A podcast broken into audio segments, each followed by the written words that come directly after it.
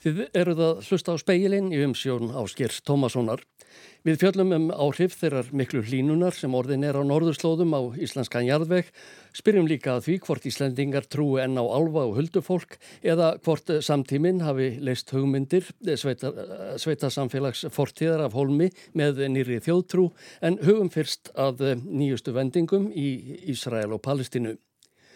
Antoni Blinken, utanríkis ráþæra bandaríkjana, kom í dag í sína þriðju heimsóng til Ísraels frá því að stýriðið fyrir botni miðjararhafs bróst út 7. oktober. Hann rætti við Ísak Herzog, fórsetta fljótlega eftir komuna herrmálaráðunetið í Jérúsalem og loks Benjamin Netanyahu forsætis ráð þeirra. Hann hétt áframhaldandi stuðningi í bandaríkjana við Ísrael í stríðinu við Hamas. Já, framt greindan frettamönnum frá því að hann hefði rætt við Netanyahu um að gera hlið á átökunum af mannúðarástæðum til að koma almennum borgurum á Gaza til aðstóðar. President Biden has consistently stressed the need for Israel to operate according to international humanitarian law. I also emphasize that the protection of civilians must take place not just in Gaza, but also in the West Bank. Bæten fórseti hefur margóft lagt á það áherslu að Ísraels menn verði að fylgja alþjóðlegum mannúðarlögum. Ég þrýsti einnig áum að vernda yrði almenna borgara, ekki einungis á Gaza heldur einnig á vesturbakkanum, stöðva áfbeldi gegn palestinumannum þar og draga brótamennina til ábyrðar, saði Antoni Blinken. Hann heldur á morgun til Jórdaníu þar sem hann ræðir mögulega mannúðaraðstóð við starfsbróður sinn. Í amman í Jórdaníu söpnuðust um 5.000 manns saman í dag og kröfðust vopnallés á gasa. Tæpast verður af því í bráð ef markam á orð Netanyahus eftir fundin með blinkan. ישראל מסרבת להפסקת אש זמנית שאיננה כוללת שחרור חטופינו. ישראל לא מאפשרת הכנסת דלק לרצועת עזה ומתנגדת להעברת כספים לרצועה. Ísraelsmenn hafna öllum hugmyndum um tímabundið vopnallið nema öllum gíslum verði sleft. Ísrael ætlar ekki að heimila að eldsneti verði flutt til Gaza og er á móti öllum peningasendingum þangað, saði forsætis ráþarann. Hann ítrekkaði að baráttan gegn hriðuverkamönnum Hamas tæki tíma. Markmið þeirra væri að eigða Ísraels ríki en ég segi ykkur að og þeim að óvinnir okkar eiga eftir að falla. Þeir verða brotnir á bak aftur, sagðan. Ekkert þokast í áttinaða samkumlagi um örlug á þriðja hundrað gísla sem Hamas liðar hafðu með sér yfir á Gaza eftir að þeir réðust inn í Ísrael og myrtu þar um það byrj 1400 manns aðalega almenna borgara. Fjórum hefur þó verið sleft og Ísraelskir hermenn frelsuðu einn. Utanrikis ráðuðu neyti Svíþjóðar greindi frá því í dag að nokkri svíjar hefðu látið lífið í stríðinu samkvamt upplýsingum palestinskra yfirvalda. Ekki var tekið fram hver margir þeir væru eða hvort þeir hefðu verið í gíslingu hjá Hamas. Hassan Nasrallah, leiðtói Hisbóla samtakana í Líbanon, tjáði sig í fyrsta skipti í dag um stríðið milli Ísraels manna og Hamas. Hann sagði að bandaríkjaman einir ættu söka á ástandinu sem hefur skapast.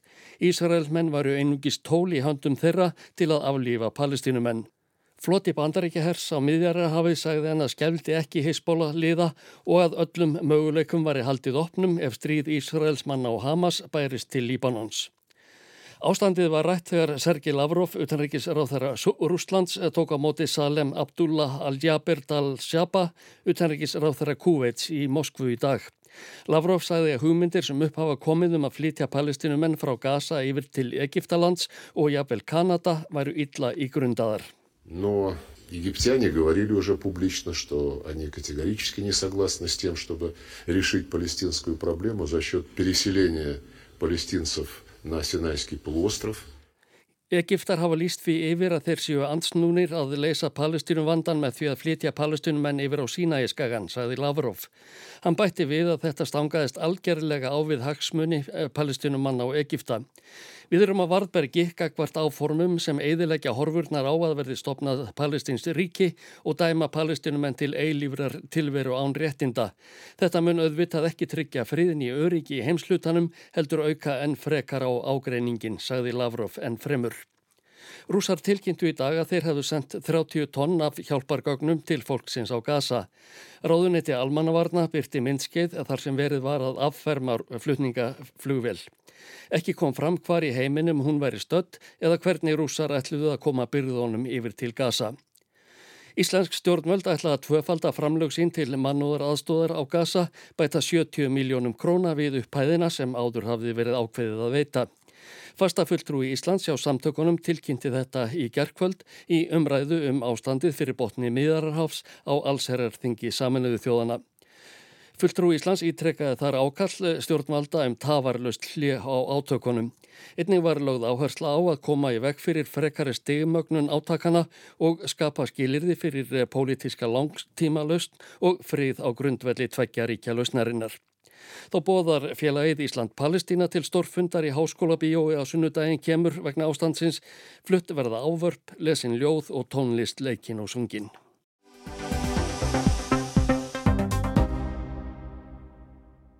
Speillin fór á dögunum yfir orðin og óorðin áhrif yfirstandandi lofslagsbreytinga á landbúnað og jarðrækt hér á landi með Bjarnar Dyrik Sigursinni, skóvistfræðingi og professor við Landbúnaðarháskóla Íslands og einum höfunda fjörðu samantektaskíslu vísindaráðs í lofslagsmálum. Í henni kemur fram að hér hafi þegar hlínað um tvær gráður meða við viðmiðuna tímabilið 1960 til 90 og að svo hlínun muni halda áfram. Speillin bar það undir bjarnar hvort þessi hlínun hafi einhver áhrif á eina megin undustöðu landbúnaðar og rektunar sjálfan jarðvegin. Já, þessi aukna groska sem við erum að upplifa er bæði náttúrulega vegna lengri sumra en það er líka vegna þess að umsetningi jarðvegi og niðurbrott og frambóða næringarefnum sem verða, verða þá aðgengileg við þetta niðurbrot að það er stjórnast af, af hýtafari og þetta breyti samkemnistöðu tegund og þetta er eina af ástafanum fyrir að við erum að sjá svona byrjun á því að við erum að fá aðrar plöntutegundir að breyðast hraðar út í íslensku náttúru til dæmis. Bæði innlendar en, en líka aðfluttar. En um leið og því ég segi þetta þá er þetta líka það er þessi jarðvegsmál sem að þekking okkar er brotakendust og þar er kannski mest þörf á að bæta í rannsóknir og, og, og vöktun. Í skýslunni til dæmis erum við með ný upp, uppfært yfirleitum um kólumsfingar á Íslands og þar er í rauninni stóri svarti kassin er losun frá landi sem er jarðvegsmál í rauninni. Lósun frá landi hefur enda lengi verið stóri svarti kassin í útreikningum á Lósun Íslands á gróðurhús og loftegundum, það sem vegur lang þingst í láslagsbókaldinu og veldur því að Lósun telst meiri hér á hvert mannsbarn en í flestum þeim löndum sem við berum okkur helst saman við, þrátt fyrir hittaveitu, vassaps og jarðhitta virkjarnir. Bjarni segir Ísland sannanlega að þurfa að gera miklu betur í mælingum og rannsóknum á þessu sviði til að þekkja og skilja yfirstandandi breytingar. En við erum reyndar ekki einum þetta. Þetta er vandamál fyrir alla Evrópu. Það er kannski 20% af e, yfirborði eða flatamála Evrópu þar sem hann hafa sæmilega þekkingu á e, jarveginum og, og, og kolminismálum og losun frá jarvegi. Og þetta er að valda bara svona vandamálum að það er þjóðir sem er að reyna að breyta landnýtingu og annað slíkt e, til að verða lofslagsvætni að þær getur hún ekki sínt fram á hvort að árangur er að nást eða ekki og út af þessu skorti á, á rannsóknum. En jarfisrannsóknir og úttektir eru dýrar en nú er bara þörfin orðið með mikil til að auka skilningin ef við um að beita landnýtingunni til að hjálpa okkur við, við lofslagsvona. Til að draga úr losum frá landi þarf að binda kólefni. Að sög Bjarnar jógst kólefnisbinding hér á landi um 30% frá 2015 til 2020. Þetta hefur gerst með skógrekt, landgræðslu, endurhent votlendis og í mjög litlum mæli þó niðurdælingu. Skógrektin hefur aukist mest. Deilt hefur verið um hversu skilvirk hún sé í raun og veru og hvenar nýræktarskóur kemst í plús í lofslagsbókaldinu. Við erum með landsúttækt á flattamáli og vext í skóa sem er unnin á fimm ára fresti sem er aðferðafræði sem fylgir í rauninu ströngustu kröfum upp í síðan. Síðan eru íms svona, hvað við segja, fyrirtæki, félagsamtök og aðrir að búa að gera mjög grófar áallaninu kóluminsbindingu sem, sem byggja á allt öðru. En fyrir landið erum við með mjög trösta tölur sem er ekki einmitt eitthvað sem að byrja að telja eitthvað fram áður en það verður til. En ástæðan fyrir að skóarnir hafa verið að auka bindinguna svona mikið, það er ekki bara við höfum verið að auka við gróðusetningu sem er, eru rétt að komast kannski í það sem við vorum með fyrir hrun. Heldur það er líka að, að einmitt út af þessu að þetta er raun uh, úttekt að eftir sem skóar eldast þá eikst hraðin og nú eru sko, skóar Íslands að meðaltalum 30 ára gamlir meðal hektarinn, meðal flatamálið og þá eru þeir mjög öflugir, getur við sagt. Og þess vegna er þessi hlut, stóra hlutvarslega aukning þar. E, næst mest aukninga er síðan hjá langrætlunni e, endurhend Votendis hefur ekki komist á stað e, eins og við hefðum viljað. Og ástæðan er kannski, það hefur ekki alveg tekist að selja landegundum málið nógu vel þó landbúnaðurinn hafi mjög mikið áhuga á, á ymsum mótuðis aðgerðum en raunverulega vandamálið er einmitt skortur á þekkingunni til að geta sko sínt fram á hver árangurinn er. Þannig að okkur vantar áttakir rannsóknunum í endurheimtinu og við erum reyndar að, að vinna í heilmikla rannsóknir en okkur likur á að bæti það. Sem sagt, meiri rannsóknar þörf og það sem fyrst. Þetta er gegnum gangandi stefi öllum köplum Þessarar fjórðu úttektar vísindanemdarinnar á fyrirlíkjandi gögnum og þekkingu á orðnum og óorðnum áhrifum loslasbreytinga á samfélag og náttúru Íslands. En hvað er brínast eða bara hægt að gera til að hægja á neikvæðum afleiðingun loslasbreytinga á íslenskan landbúnað og jarðrækt og aðlæga þetta óhjákvæmilegum breytingum? Og hver er að gera það? Ég þú að landbúnaðin er losa ekki nema um 13% af gróðsóloftegundunum sem er, er losað á hverju ári.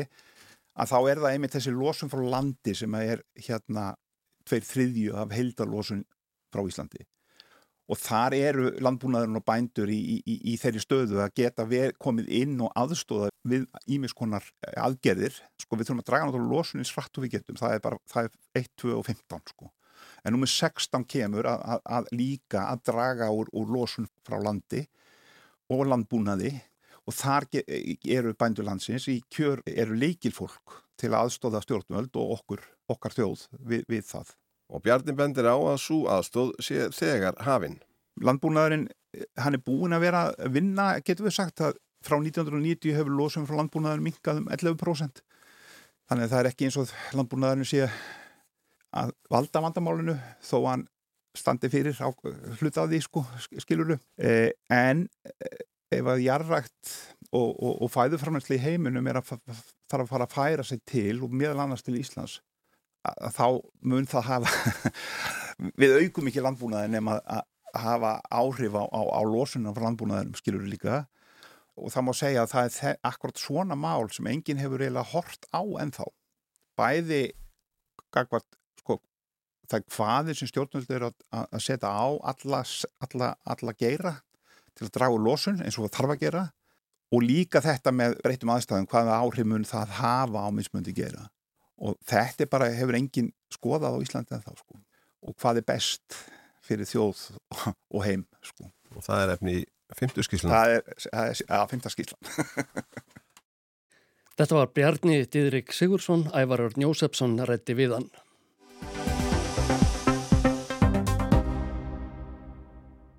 Þjóðtrú er enn ríki í sumum Íslandingum, sérstaklega konum, eldra fólki og íbúum á landsbyggðinni en evasemdir hafa samt aukist verulega hins síðari ár og raunar markfaldast í sumum tilfellum.